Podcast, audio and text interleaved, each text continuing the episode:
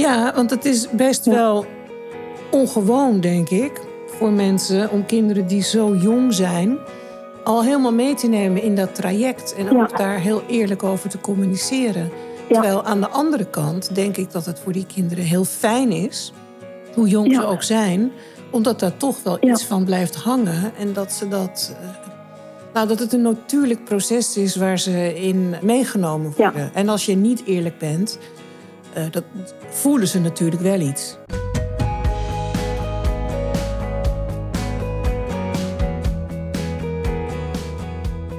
Je partner overlijdt. Hoe ga jij nu verder? Via contact met lotgenoten en in samenwerking met onze partners bieden we een luisterend oor en pakken wij problemen van nabestaanden aan. Wij leveren support voor jou na het verlies van je partner, ongeacht de vorm van je relatie of je seksuele voorkeur. In onze podcast Widow Talk praten we over ons verlies en interviewen we andere weduwen, weduwnaars en bedrijven die nabestaanden helpen hun leven weer op orde te krijgen. Welkom, fijn dat je luistert.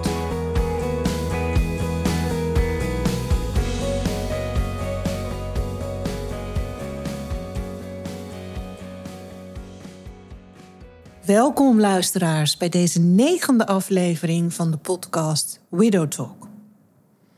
Vandaag praat ik met Bianca Krol. Dat doen we over de telefoon, want Bianca die woont in België. Wel dicht bij de grens met Nederland, maar dat is toch wel een heel eind om even voor het opnemen van zo'n podcast-aflevering heen en weer te rijden. Dus we gaan dat gewoon eens proberen via de telefoon. Voor mij de eerste keer. Maar ja, wie niet waagt, wie niet wint. Je moet alles een keer geprobeerd hebben. Dus dat gaan wij doen. Maar daardoor kan het zijn dat het geluid ietsje meer metaalachtig klinkt. Ik weet niet hoe je dat moet zeggen, maar dan weten jullie dat dat daardoor komt. Bianca is weduwe en Bianca is ook persoonlijke coach. Bianca komt uit het onderwijs, maar daar gaat ze ongetwijfeld straks zelf nog wat over vertellen. Maar het overlijden van haar man ja, was letterlijk een life-changing uh, happening, om dat even in goed Nederlands te zeggen. Dat heeft haar leven op de kop gezet. En wat je wel vaker ziet bij mensen, is dat dat dan ook consequenties heeft voor je werkende persoonlijkheid, voor je carrière. Omdat je door wat je meemaakt, ervaart, voelt, uh, dat je eigenlijk nog iets anders wilt doen waarmee je mensen kan helpen of ondersteunen. Of dat er een andere interesse boven komt, omdat je zelf een andere kant op aan het ontwikkelen bent. En dat is ook wat met, met Bianca is gebeurd. Dus enerzijds gaan we even uh, met Bianca in gesprek om te horen wat haar verhaal is. Hè? Toch weer even het stukje gluren bij de buren. Maar dat is niet het enige. We willen ook graag weten hoe ben jij tot deze transformatie gekomen en wat doe je dan precies en hoe help je mensen daarbij? Heb ik dat goed gezegd zo, Bianca? Ja, klopt helemaal. Oké. Nou, kan je kort wat over jezelf vertellen? Ja, ik uh, ben dus uh, Bianca Krol en ik woon in Belgisch Limburg. Maar ik ben niet afkomstig van Belgisch Limburg. Ik ben van Nederlands Limburg. Ik heb eigenlijk mijn hele leven in Sittard gewoond. En nu, uh, sinds drie jaar, woon ik met de tweede liefde van mijn leven en zijn gezin en mijn meiden wonen we in België. Want mijn vriend is van België afkomstig. Ah. En ik had nooit gedacht dat iemand mij uit Sittard weg zou krijgen. Maar ja, het is toch gelukt. Dus alles voor de liefde. Echte liefde. Ja. Ja. Yes. Ja, nou, en daar wonen wij... Uh, sorry? Nee, ik wil zeggen, dat is al heel mooi, want je bent je man uh, verloren. Uh, wat natuurlijk heel dramatisch is, want daarmee heb je ook een, een, een, echte liefde, uh, nou, van een echte liefde afscheid genomen. Maar ja. het is dus heel goed mogelijk om weer een nieuwe echte liefde te vinden ja. op het moment dat je daarvoor open staat. Ja, dat, uh, ja, wat ik mijn man die gestorven is, die, uh, ja, daar was ik al bij sinds dat ik 17 was en hij 18 was. Ja. En uh, ja, uiteindelijk met, met hem getrouwd. Ik zeg, dat was de eerste liefde van mijn leven. En we hebben eigenlijk alle eerste keren samen beleefd. Allereerste echte verkering, allereerste keer samenwonen, allereerste keer trouwen, een huis kopen, samen kinderen krijgen. Dus alle eerste keren hebben wij samen gedaan. En toen hij ziek werd, waar ik nog wel op terugkom, weet ik in elk geval dat hij uh, altijd gezegd heeft, ja, uh, zeg maar een soort van toestemming voor een tweede liefde. Ah, en het is niet dat ik daar uh, meteen de eerste dag naar op zoek ben gegaan. Maar ik weet wel, ja, bij ons in de zomer, op het einde van de zomer, hadden wij eigenlijk vaste prik iedere keer ehm, spinnen in huis. Uh, altijd op het einde van de zomer. En dan echt van die mega dikke zwarte over die hele grote witte muur. Oh, en dan was het gewoon. Ja. ja. precies dat. Dus dan was het echt, uh, Paul moest je vangen. Daar ging ik dus echt niet aan beginnen. Maar ja, op een gegeven moment werd hij zieker en zieker natuurlijk. Ik zeg, Paul, als jij er dadelijk niet meer bent, wie vangt dan mijn spinnen? ja, je zoekt je maar een nieuwe spinnenvanger, zei hij. Dus dat, uh, ja, dus, dus ik wist gewoon dat ik de toestemmingen had. En ook als ik wel eens keer... Uh, last had van mijn nek vanwege mijn reuma. En hij masseerde dat dan. Ik zeg, en dan? Ik zeg, wie masseert dan mijn nek? Ja, je zoekt je maar een nieuwe masseur, zei hij. Dus het was iedere keer wel lachend. Maar ik wist wel dat ik de toestemming had. Dat, uh, dat is eigenlijk wel fijn uh, om te weten. dat mooi. wij ondanks... Ja. Ja. ja. dat wij ondanks het verdriet wel ons leven even goed weer mogen oppakken. Want wij hebben nog een heel leven voor ons. Dat is zeker zo, Bianca. Ja. Ja. ja.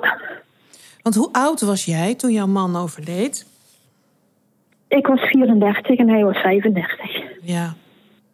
Ja. Dat is wel heel erg jong, hè? Ja, ja. Dan kan je met recht zeggen dat je nog een heel leven voor je hebt.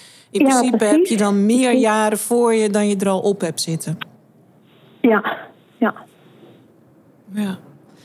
Dus jij hebt nu een uh, masseur en een spinnenvanger in één gevonden weer. Ja. ja. nou ja, ik heb al een tijdje uh, de spinnen nog in mijn eentje moeten vangen. Ik denk dat was eigenlijk vrij snel daarna, want toen hij gestorven was, ik heb ervoor gekozen om hem thuis op te baren. Ja. Uh, want ik wilde niet dat mijn kinderen naar een mortuarium op uur en tijd moesten gaan. Dus wij hebben ervoor gekozen om hem thuis op te baren, dat we hem gewoon nog zo lang mogelijk bij ons hadden. En ook dat was op het einde van de zomer. En ja, het was of het lot ermee speelde. De eerste dag dat hij thuis opgebaard lag en ik s'avonds nog even bij hem ging zitten, ja, dat zat de spin al op de witte muur. En ik, mm. En nu? ik, wat ga ik nu doen? En ik ga ik dat laten zitten? Ga ik gillend wegrennen? Ik denk, of ga ik hem zelf vangen? Of ga ik de buren bellen die zeggen, je mag dag en nacht voor alles bellen? Ja. ja precies, als ik nu al de buren voor zoiets moet gaan bellen, dan kan ik ze nog vaak bellen. Dus ja, ik heb uh, geprobeerd met trillende vingers en een theedoek die spin te vangen. Dat is niet gelukt. Die zijn mega snel. Oh ja. Ja, die spin die, ja, die kroop en die ging onder de bank. En ja, ik heb hem laten zitten. En ik had ook zoiets van, ik was niet panisch. En, oh, oké. Dus dat lukt me dus nu al de dag uh, daarna.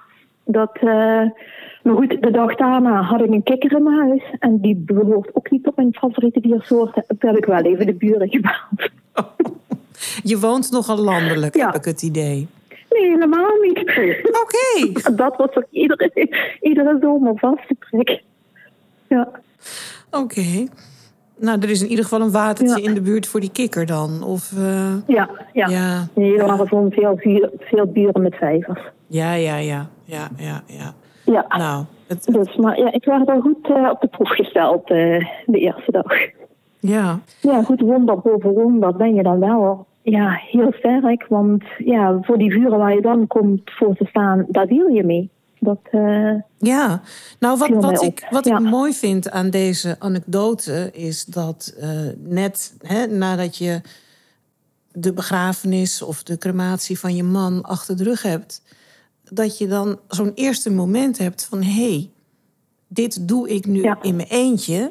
En dat doe ik eigenlijk best wel goed. Dat je jezelf al een klein bescheiden schouderklopje kan geven. Dat is mooi.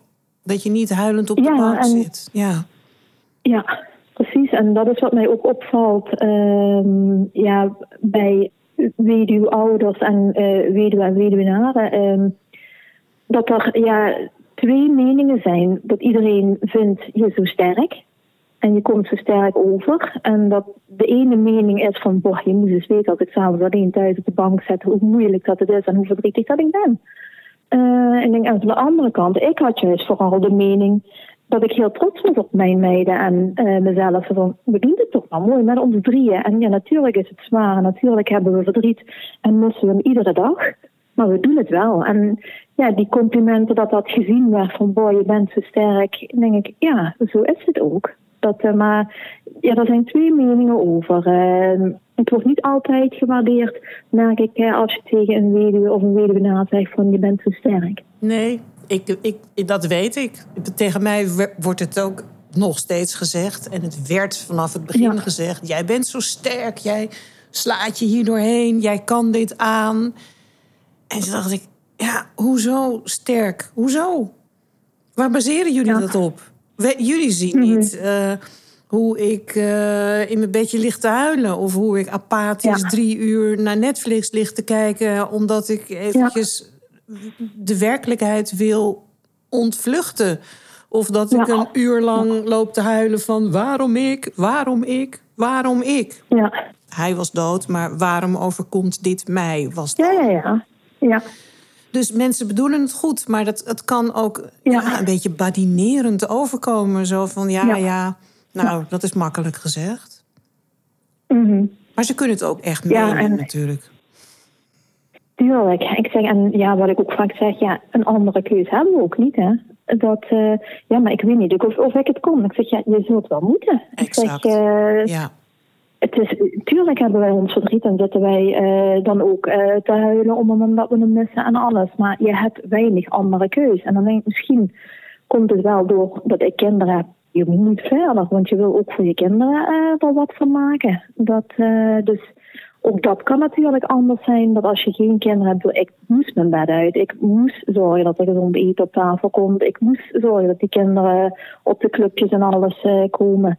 Dus ik had daardoor wel al iets van vorm van structuur in mijn dag. Maar even goed, het verdriet en gemis, dat is er. Dat, dat blijft, uh, ja. Zeg maar, ja, maar je hebt geen keus.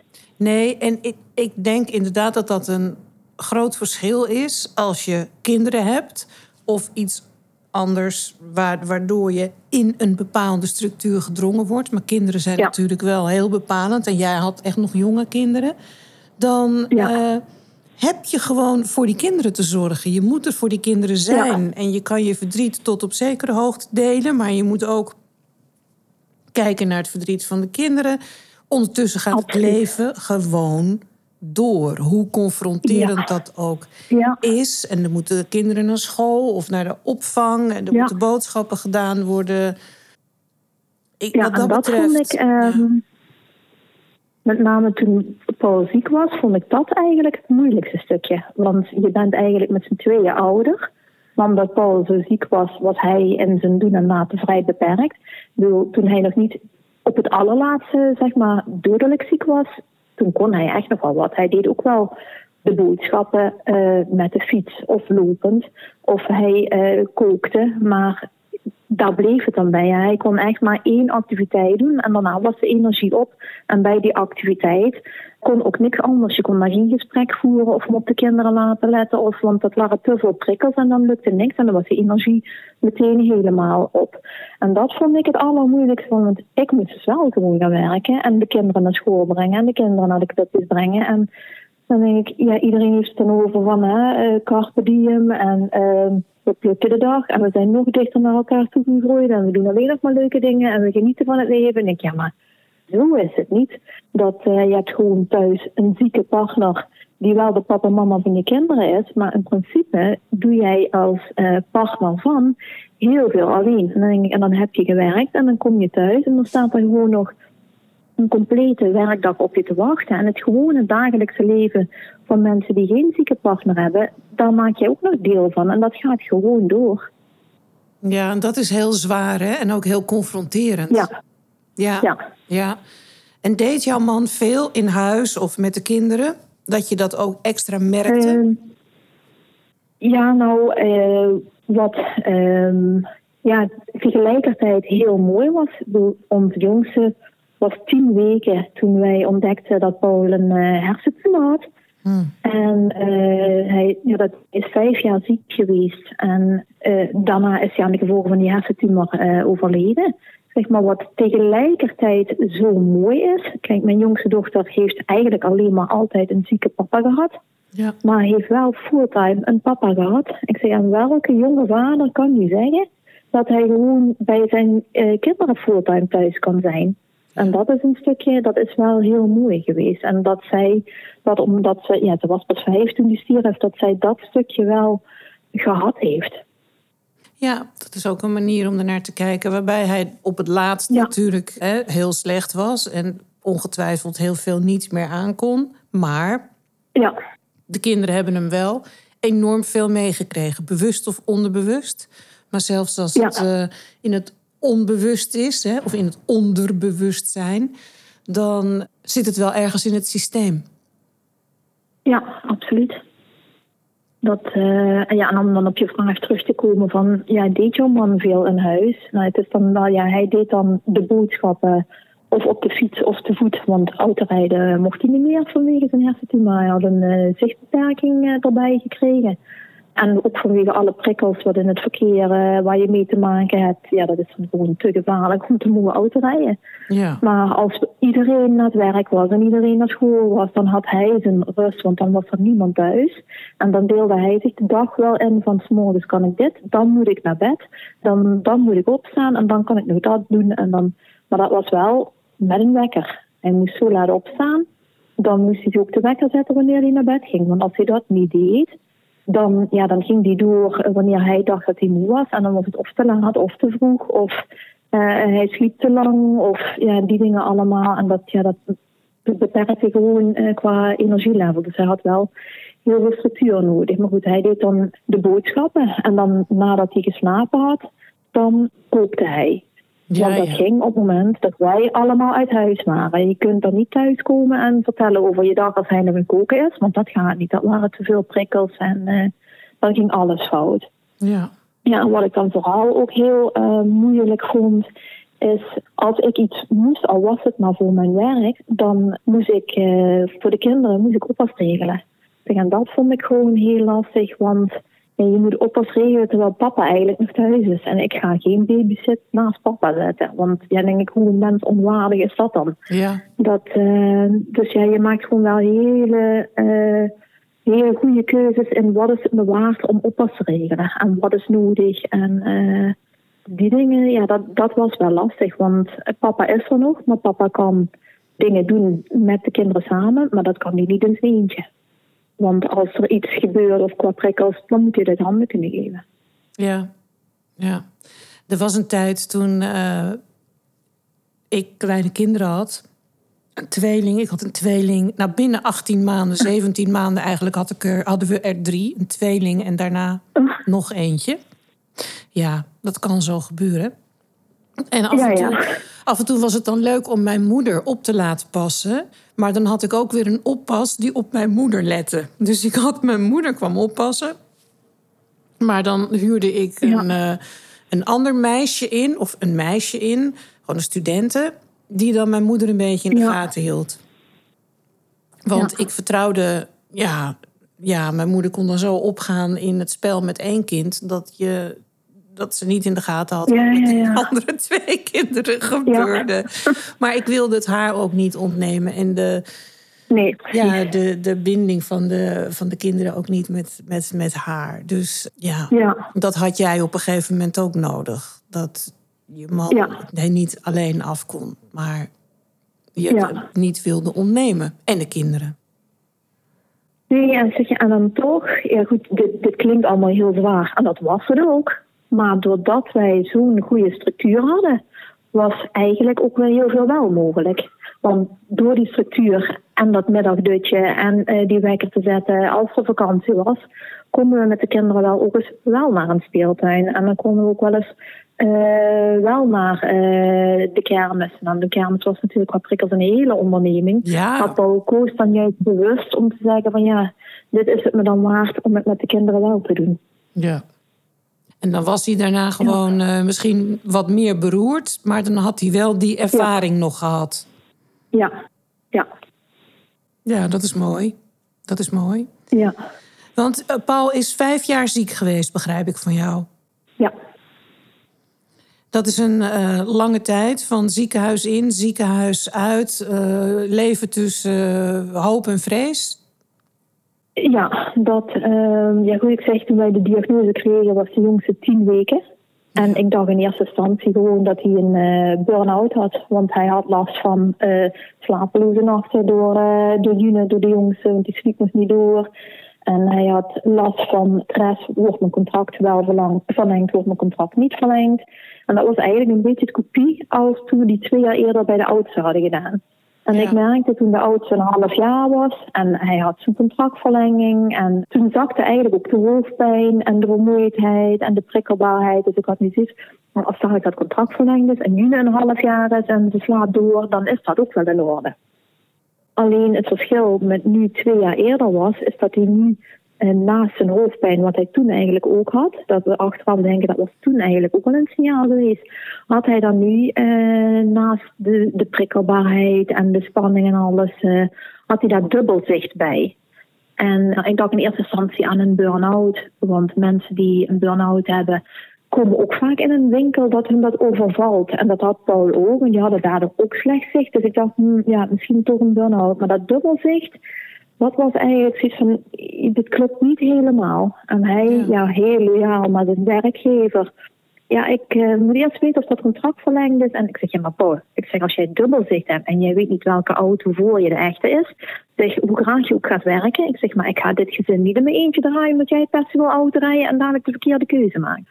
Ja. Ik zeg, nou vraag maar gewoon dat gesprek aan voor een contractbespreking. Ik zeg, als jij daar zoveel last van hebt, en dan weet je het tenminste. Ik denk, en dan valt of een last van hem af, of ja, als het contract niet verlengd wordt en hij heeft daar zoveel last van, dan moet hij gewoon naar de huisarts gaan en laten bevestigen, ik ben zo ziek, ik kan niet werken.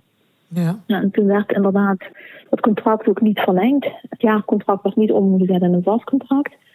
En toen zei ik ook tegen Paul, ik zeg ja, ik zeg, dan gaan we morgen ook naar de huisarts en dan laat je daar even vaststellen dat je een burn-out hebt en dat je gewoon echt niet meer kunt gaan werken. En ja, hij was ziek genoeg om te mogen zeggen, ik kan niet gaan werken. Ja. En toen heeft die huisarts ook um, gekeken en een aantal testjes gedaan en uh, hij zegt ja, ik wil je toch even voor de zekerheid naar de neuroloog doorsturen. oh ja, oké, okay, ja, dat... Uh, ja, en er werd meteen gebeld voor een afspraak en we konden twee dagen later terecht en nu achteraf denken, ja, wie kan binnen twee dagen terecht bij een neuroloog? Normaal heb je zoveel weken wachttijd dat er een afspraak is, maar wij konden binnen twee dagen terecht. Ja, dat kan maar alleen maar als het, ja. als het echt slecht is. Ja. Als het goed is, ja. Ja, maar wij hadden zoiets van, weet je, dan word je helemaal nagekeken en dan uh, krijg je te horen dat het goed is en dan is het ook goed. Ja, dus wij naar die neuroloog twee dagen later. We hadden tegen de oudste gezegd dat we naar de oogarts waren. Want toevallig hadden we die dag ook echt een afspraak bij de oogarts staan. Omdat Paul dubbelzicht had en al een bril had aangemeten. En ja, het werkte allemaal niet wat de opticien had. Nou weet je, ik ga dan toch maar eerst eens even naar de oogarts.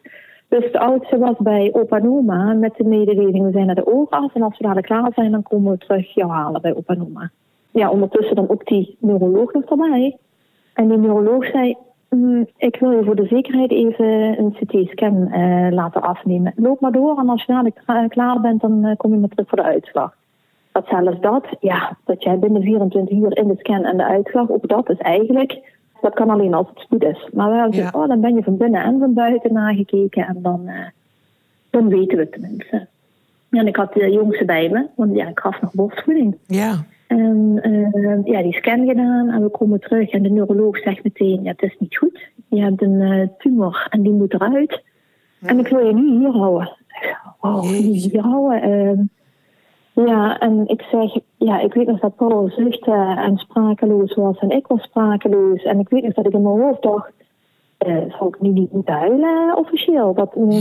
Wat dan in je hoofd allemaal omgaat. En ja, achteraf weet ik natuurlijk ook, uh, emotie gaat niet altijd gepaard met tranen. Dat emotie, dat uh, is een hele hoop wat je denkt en voelt. En uh, ja, dat is dan wat je op dat moment denkt. Ja, wij konden de beslissing niet nemen wat de neuroloog zei. Van, weet je, ik hak de knoop door, je gaat nu naar huis.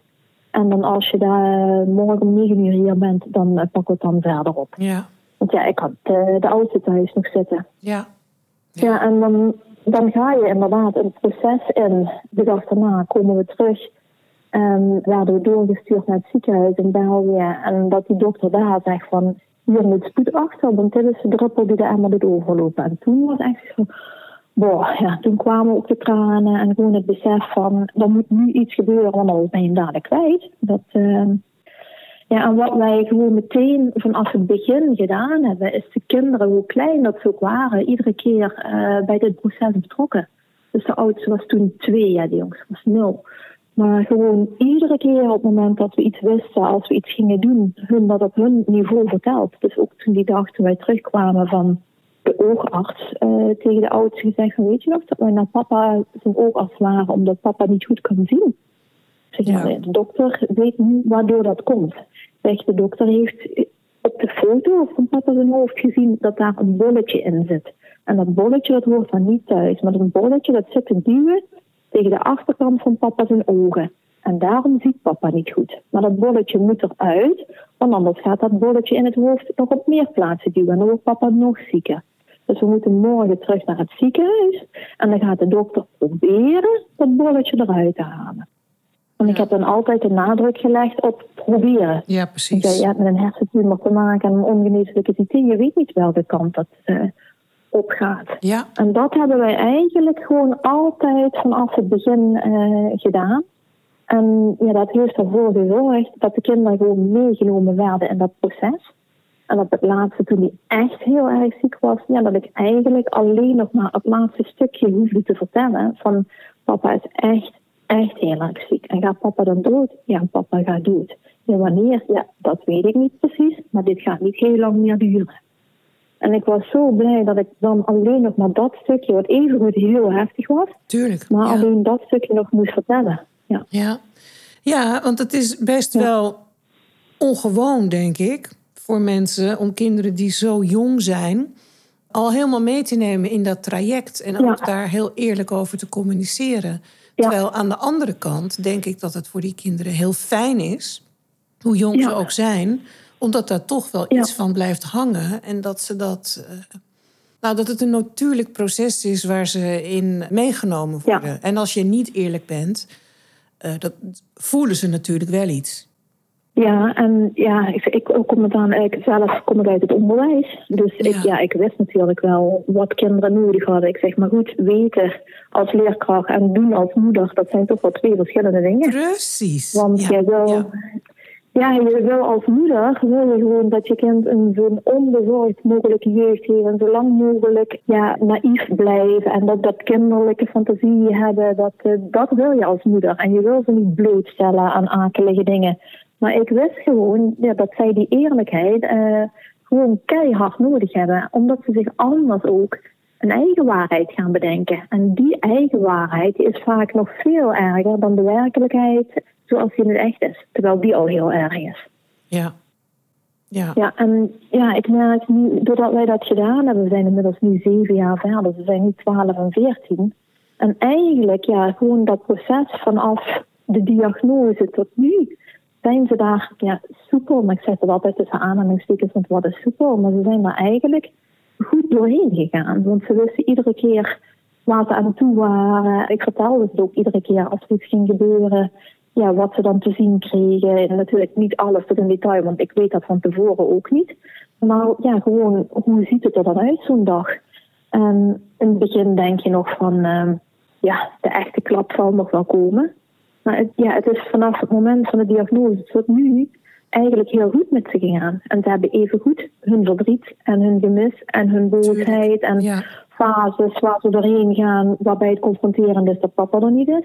Maar ondanks dat gaan ze daar eigenlijk best ja, soepel doorheen. En dan denk ik, ja, dan, dan klopt het toch wat wij gedaan hebben. Ja, dat, dat denk ik ook. Ik weet, ik was zelf, nou dat was, ik ben katholiek opgevoed en dan doe je je communie. Ik denk dat je dan een jaar of zeven bent of zo. Mm-hmm. En toen was mijn oma, oma Dons noemde ik haar, want zij noemde mij altijd Donsje. Die was overleden, mm. de moeder van mijn vader. En ja. uh, daar logeerde ik heel veel. Daar was ik gek op, oma Dons. Die was overleden, dat deed pijn. Dat, dat, uh, mm-hmm. dat was heftig. En ik mocht niet mee naar de begrafenis. Want begrafenissen waren niet voor kinderen. En daar heb ik zo de pest over ingehad. En dan kreeg ik ook nog... Met mijn communie kreeg ik een gouden kruisje. Ik weet nu niet meer van wie. Maar ik wilde dat eigenlijk helemaal niet. Want dat had ik nou net van oma Dons willen krijgen. Maar die kon het niet meer geven. Maar het feit dat ik er niet bij kon zijn... Dat, uh, of mocht zijn... De, de, de, de vader van Philip, mijn man, is overleden toen Philip negen was. Hij mocht ook niet mhm. bij de begrafenis van zijn eigen vader zijn. Want dat doe je niet met kinderen. Oké, dat, dat is een hele andere tijd. Hè? Dat was in uh, 68. Maar toch, 1968. Maar um, dat kan je nog heel lang bijdragen, die negatieve emoties. Ja, en ook je hebt iets niet kunnen afsluiten. Juist. Want die crematie en die begrafenis en uh, het afscheid nemen, dat hoort er gewoon bij om het hele proces te kunnen afsluiten en ook te gaan accepteren. Maar nu, ja, je hebt een gat, er, er is iets niet afgesloten. Ja. Ja, en dat probeer je dan aan alle kanten te dichten, maar dat lukt natuurlijk niet, omdat er gewoon echt, echt iets ontbreekt. Ja. Ja.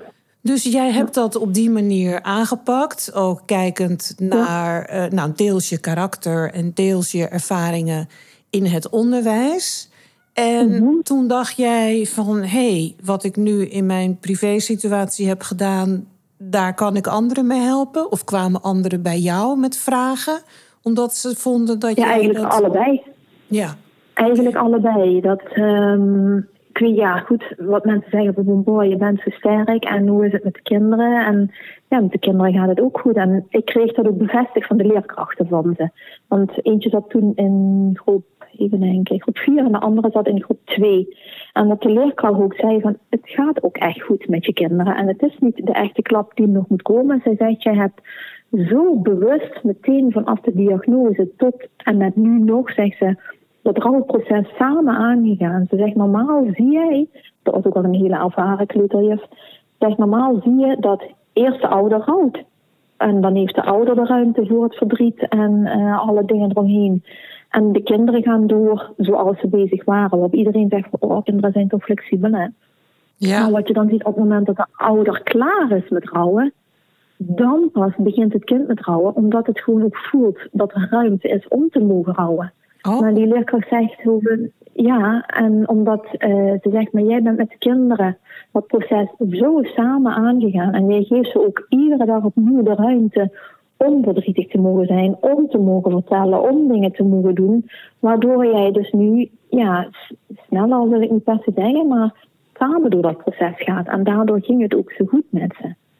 En uh, ja, dat, ik heb die vraag van meerdere ouders gekregen. Uh, iemand hoe doe je dat dan? Ik zeg, ja, hoe doe je dat? Ik zeg, het is met name gewoon echt altijd eerlijk vertellen en ze overal uh, bij betrekken. En omdat ik die vraag meerdere keren kreeg, gewoon van ouders op school, van kinderen die bij mij in de klas zaten, maar ook van via, via, via. Dat er waren mensen die hadden, even denken, het was de tante van mijn vriend nu daar weer familie van. Die hadden uh, met diezelfde situatie te maken. En die kwamen naar mij om te vragen van hoe heb jij dat gedaan?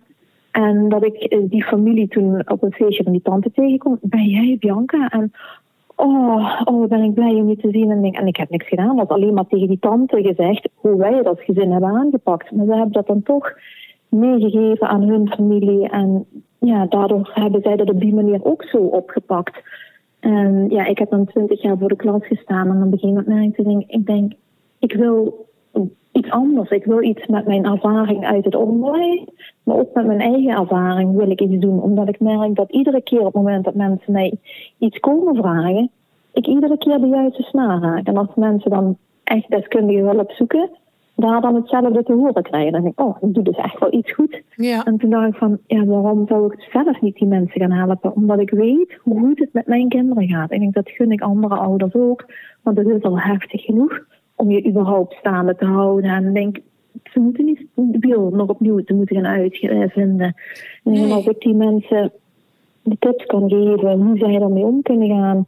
en daardoor iets meer energie overhouden voor hun gezin... denk ik, ja, dan ja, dan ben ik al blij voor die mensen. Ja, dat is, dat is heel mooi. En als je alleen achterblijft met je kinderen na het overlijden van je partner, dan het enige wat je wil is dat je kinderen het goed hebben.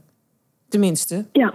Dat, dat, dat, dat gevoel had ik zelf. Als de kinderen maar oké zijn. Dat is waar het allemaal om uh, draait. En dan wil je dat natuurlijk ook zo goed mogelijk doen. Wat ik heel interessant vind, is wat jij net zegt hè, over flexibiliteit van kinderen. Dus eigenlijk, mhm. ehm, dat zeg jij, of dat is een theorie, um, dat kinderen hun rouw eigenlijk een beetje opsparen tot ze merken dat er ruimte is als dat de ouder ja. uh, hè, wat, wat relaxter wordt, zeg maar. Een, een stukje in dat hele proces uh, zit van alle stadia van rouw. En dat dan die kinderen pas komen. Met hun gedragsproblemen of hun, hun eigen angsten of, of, of uitingen van rouw en verlies. Ja. Ja. Ja, en ik zie het ook wel uh, ja, bij ouders voorbij komen met de vraag van... Oh, het is nu al een tijdje geleden en mijn kind begint nu pas vragen te stellen. Of mijn kind begint nu uh, pas boos of verdrietig te worden. En dat is natuurlijk heel moeilijk, hè, want kinderen maken echt wel een behoorlijke ontwikkeling door. Van, uh, vanaf dat ze geboren worden, zeg maar, tot en met hun puberteit. Dat gaat allemaal in fases. En dat is dan echt aftasten, ja, wordt het bij de ontwikkeling of heb je met een stukje rouw te maken? Die scheidingslijn die is ook gewoon heel dun. Precies, dat, uh, ja. Ja, en zeker als je kinderen dan ook nog een beetje in de puberteit zitten, dan nou, probeer het dan maar eens uit elkaar te houden. Ja. ja. ja. en dan ook gewoon om echt te mogen zeggen van niet alles heeft met rouw te maken. Ook sommige dingen zijn gewoon echt normaal en behoren tot de ontwikkeling. Ja. ja, het is natuurlijk heel makkelijk om het ook te gebruiken. Om dingen om te schuiven. Ja. Maar ja, zo werkt het natuurlijk niet allemaal. We, ondertussen ontwikkelt iedereen zich ook nog op de normale manier. En ga je allerlei stadia door waar ook weer bepaald gedrag bij, uh, bij hoort. Dus zo op dat, op dat uh, feestje of die borrel, die verjaardag, heb jij dat doorgegeven. En toen dacht je, hé, hey, ik, ik raak blijkbaar de juiste snaar. Dus ik ga hier verder mee. Ja, dat is natuurlijk even een tijdje in de week gelegen in mijn hoofd. Uh, Dat ik al een tijdje mee bezig was. Maar ja, op een gegeven moment ik had zoiets van, oh, ik wil er toch, ja, ik wil er iets mee. Ik denk, ik heb nog zoveel te bieden dan alleen juf zijn. Ik denk, want ja, goed, dat proces met mijn man, wat ik met mijn kinderen helemaal doorleefd heb, uh, is een stukje uit mijn rugzak. Maar ik heb in mijn rugzak nog veel meer aan verlies zitten.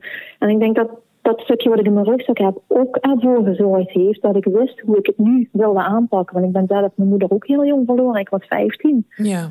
En ik denk, zoals mijn stiefvader aanpakte en zoals mijn moeder het aanpakte, zo wil ik het absoluut niet doen. Ik denk dat heeft er natuurlijk ook aan bijgedragen dat ik wist wat ik moest doen. En op mijn uh, vooropleiding, voordat ik de PABO mocht gaan doen, heb ik eerst de opleiding onderwijsassistent gedaan. En ook toen werd ik eigenlijk al aangetrokken door uh, kinderen en de dood. En was mijn eindwerkstuk kinderen met rouw en verlies. En ja, waarom ik daar toen tot aangetrokken werd, wist ik niet. Want ik weet, wist niet dat dit mijn toekomst zou zijn. Dat, uh, maar ja, ik door het even een tijdje in de week geleden dat ik dacht van, oh, ik heb nog zoveel meer te bieden dan alleen maar lesgeven. En ik denk, ik, ik wil meer, ik wil wat anders. En dan toch ja, blijven in dat stukje lesgeven zitten. Dat is het niet helemaal, maar door uh, ouders deze tips te geven, uh, ja, is het toch een stukje alsof je ze iets aan het leren bent. Maar dan op een hele, hele andere manier. En ik dacht van ja, en als ik dan toch blijkt dat deskundigen hetzelfde vertellen als ik, dan doe ik, doe ik iets, doe je iets goed. En ik dacht van ja. Maar Kijk, wat jij zegt hè, over je stage met kinderen met uh, rouw en verlies er zijn mensen die zeggen toeval bestaat niet. Dus dat jij dat gekozen hebt, terwijl jij later met extreem jonge kinderen in een situatie komt met een, uh, een, een, letterlijk doodzieke vader, ja, is dat wel toeval? Ja. Nou ja, goed, dan, dan moet je in uh, bepaalde spirituele zaken geloven. Maar als ik mm. dat hoor, denk ik, hé, hey, vind ik toch wel heel boeiend. En ik zou, ik, ja, ik zou het geen toeval willen noemen. Maar nee, het heeft jou wel geholpen. Absoluut, want ook daar in dat stukje uh, heb ik toen in die, in die studie geleerd dat het gewoon heel belangrijk is om die kinderen, hoe klein ze ook zijn, daarbij te betrekken. Ja, ja, ja. Nou, dat, dat kan ik alleen maar uh, beamen. Ik weet dat toen, ja. dat is natuurlijk een heel ander verhaal, maar onze kat was heel erg ziek en die moesten we laten inslapen. Toen waren we net verhuisd. We hebben een tijdje zijn we uit Amsterdam weg geweest en toen hebben we in Bloemendaal gezeten. Toen waren de kinderen, nou, de jongens waren vier, onze dochter was drie. En we woonden daar net en onze arme kat die had een groot gezwel. Die moesten we laten inslapen. En ik weet nog dat de mhm. dierenarts zei van hoe wil je dat doen? Wil je hem hier in laten slapen? Of moeten wij het gewoon hier zelf doen zonder dat je erbij bent? En wat doe je met de kinderen? Mhm. De kinderen, de kinderen, de kinderen, hoezo dan? De kinderen. Ja, zei die, wil je dat die erbij zijn of niet? Ik zeg, nou, het lijkt me nog wel iets om dan zo'n beestje in te laten slapen en die kinderen daarbij. En de dierenarts heeft mij toen uitgelegd, de dierenarts, hoe belangrijk het is voor kinderen om betrokken te worden bij verlies. Uh, dat ze het beter kunnen verwerken, dat kinderen gehecht zijn aan zo'n dier. En dat je het allemaal wel kan vertellen. Maar als ze het niet meemaken, dat er een gat zit. Dus door de dierenarts zijn de kinderen eh, daarbij betrokken. We hebben een, een doos versierd. We, we waren bij het inslapen. We hebben het begraven. En toen oma overleed, was het heel logisch om de kinderen daar ook bij te betrekken. En ja, ik vind het nog steeds heel bijzonder dat dat door een dierenarts ons is bijgebracht. Ja. ja. Wat ik in deze heel interessant vind, Bianca, is dat ik dit van een dierenarts heb meegekregen. Hoe belangrijk het is om kinderen te betrekken bij ziekte, verlies en dood. Mhm. Zodat ze onderdeel zijn van dat proces. Jij hebt dat meegekregen toen je 15 was en met je verlies te maken had. En merkte dat, dat, niet, nou, dat daar niet mee werd omgegaan op een manier die voor jou goed was. En je hebt dat in je mhm. opleiding meegekregen. Maar zo krijgen we dat. Ja, sommige mensen zijn nog gelukkig genoeg, denk ik, dat ze dat meekrijgen zodat ze daar wat mee kunnen doen. Ja. Want jij bent er natuurlijk, nou ja. Nou, kan je nou iets vertellen? Heb je al veel, ja, hoe moet ik het noemen? Klanten? Of mensen die naar, die naar jou toe eh, komen? Mijn eh, praktijk is pas net gestart, dus veel klanten heb ik nog niet. Maar mijn social media pagina, Facebook en Instagram, LinkedIn, dat wordt echt wel goed onderhouden. Waarop ik die dingen wat ik net met jou besproken heb, ook echt als topic of als post de wereld in gooi. En ook, ja, soms ook een beetje taboe doorbrekend om echt te mogen zeggen van het leven met een zieke partner is echt wel heel erg zwaar. En, want ja, ik weet dat ik daar ook moeite mee had dat ik dat ik dacht van, dit is heel zwaar, maar tegelijkertijd van, kom op, hij is er nog. Dus geniet ervan zolang het kan, weet je, die, die dubbele dingen. Maar als niemand jou zegt dat die gedachten normaal zijn en dat, dat dit ook mag, dit gevoel, dan, dan blijft het zo'n schaamtegevoel. En dus die dingen gooi ik ook uh, de wereld in uh, via Facebook en uh, Instagram. Maar ook het stukje waarom het zo belangrijk is om je kinderen daarbij te betrekken.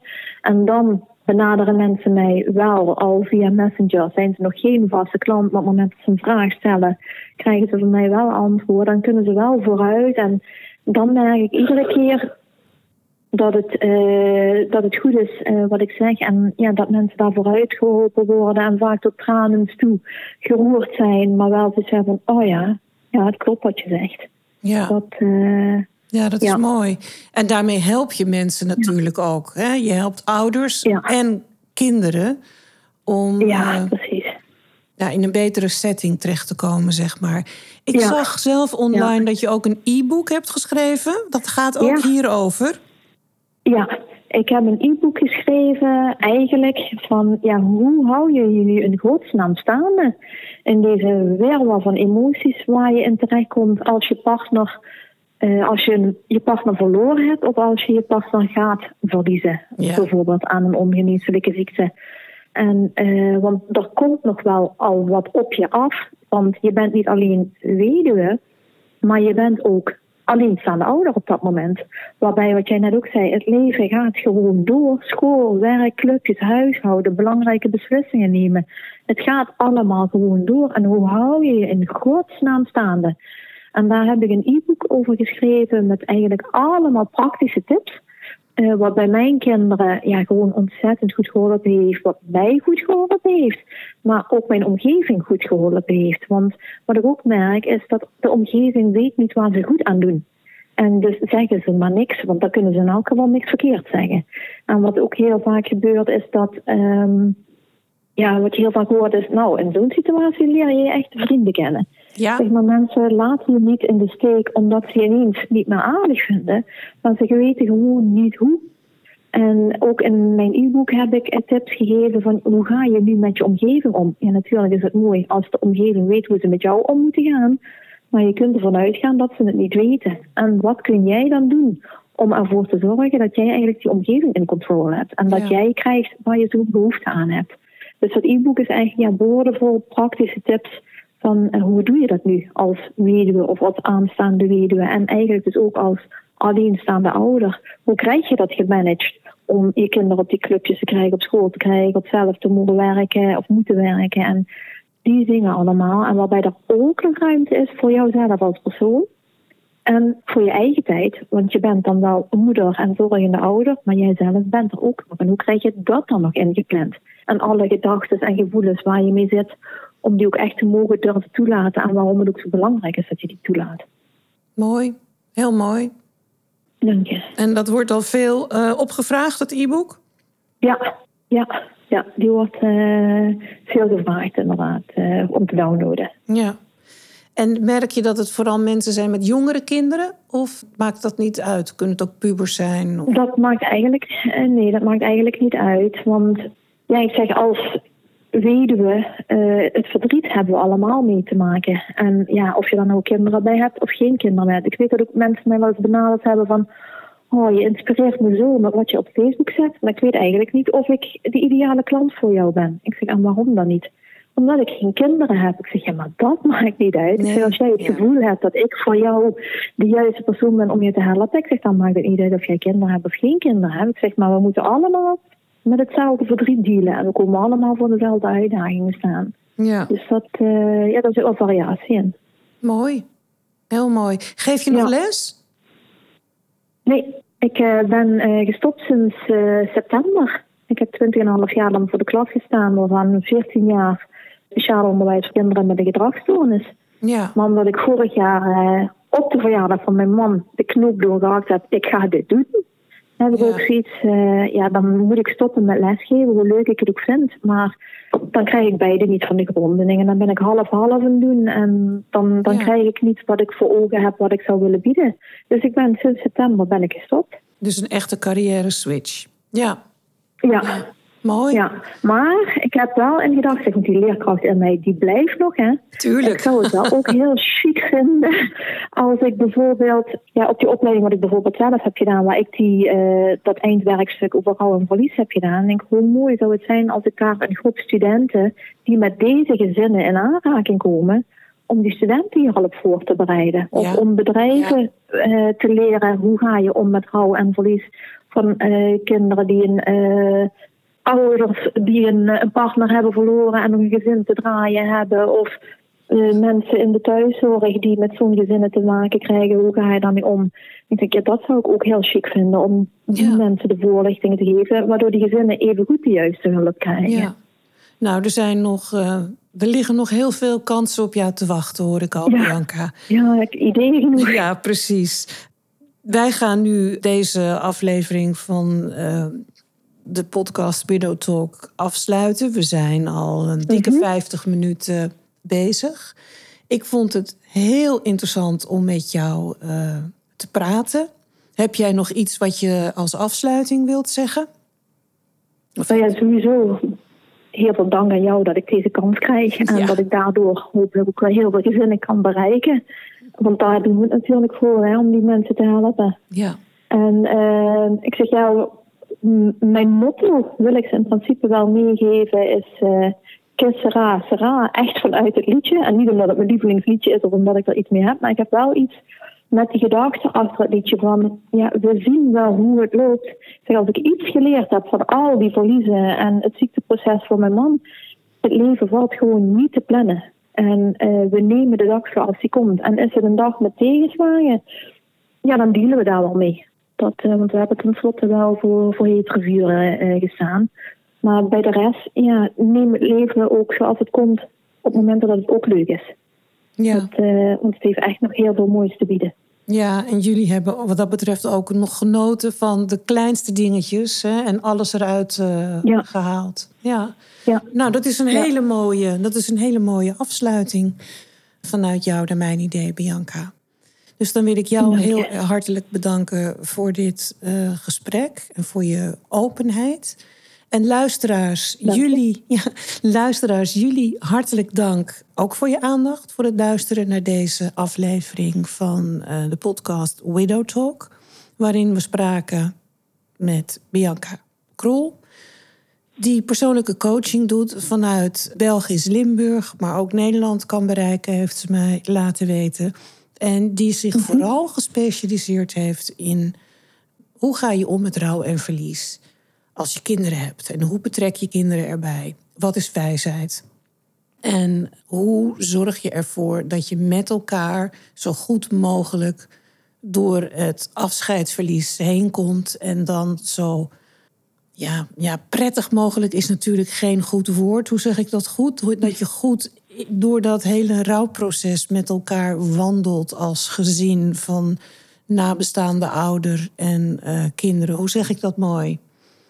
Heb jij daar een goed woord ja, ik, voor? Ik, ja, ook niet echt. Maar ik noem het altijd, wij zijn soepel tussen aanhalingstekens door het rouwproces gegaan. Ja, dus jij helpt mensen op die manier om er soepeler, dat vind ik een heel mooi woord, om er soepeler doorheen te lopen. En rouw blijft natuurlijk altijd bij je. De scherpe randjes gaan er als uh, hopelijk voor heel veel mensen op een gegeven moment vanaf. Maar er zijn nog genoeg momenten dat het aangetikt wordt. Absoluut.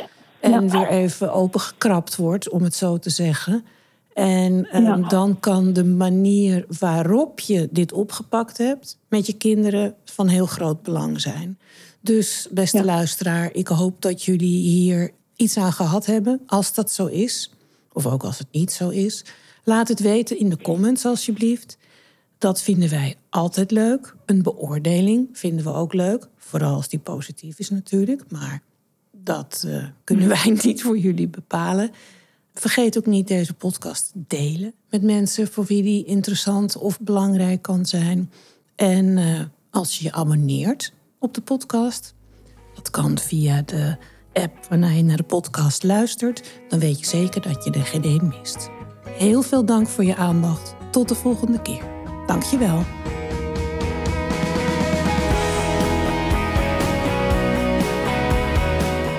Dank voor het luisteren naar deze aflevering van Widow Talk. Als je meer wil weten, ga naar de website widowsandwidowers.nl of klik op de link in de show notes. Daar vind je meer informatie over alles wat we doen, onze shop en ook een overzicht van de eerdere podcasts. We horen graag je feedback via mail en social media. Stay tuned. Tot de volgende keer.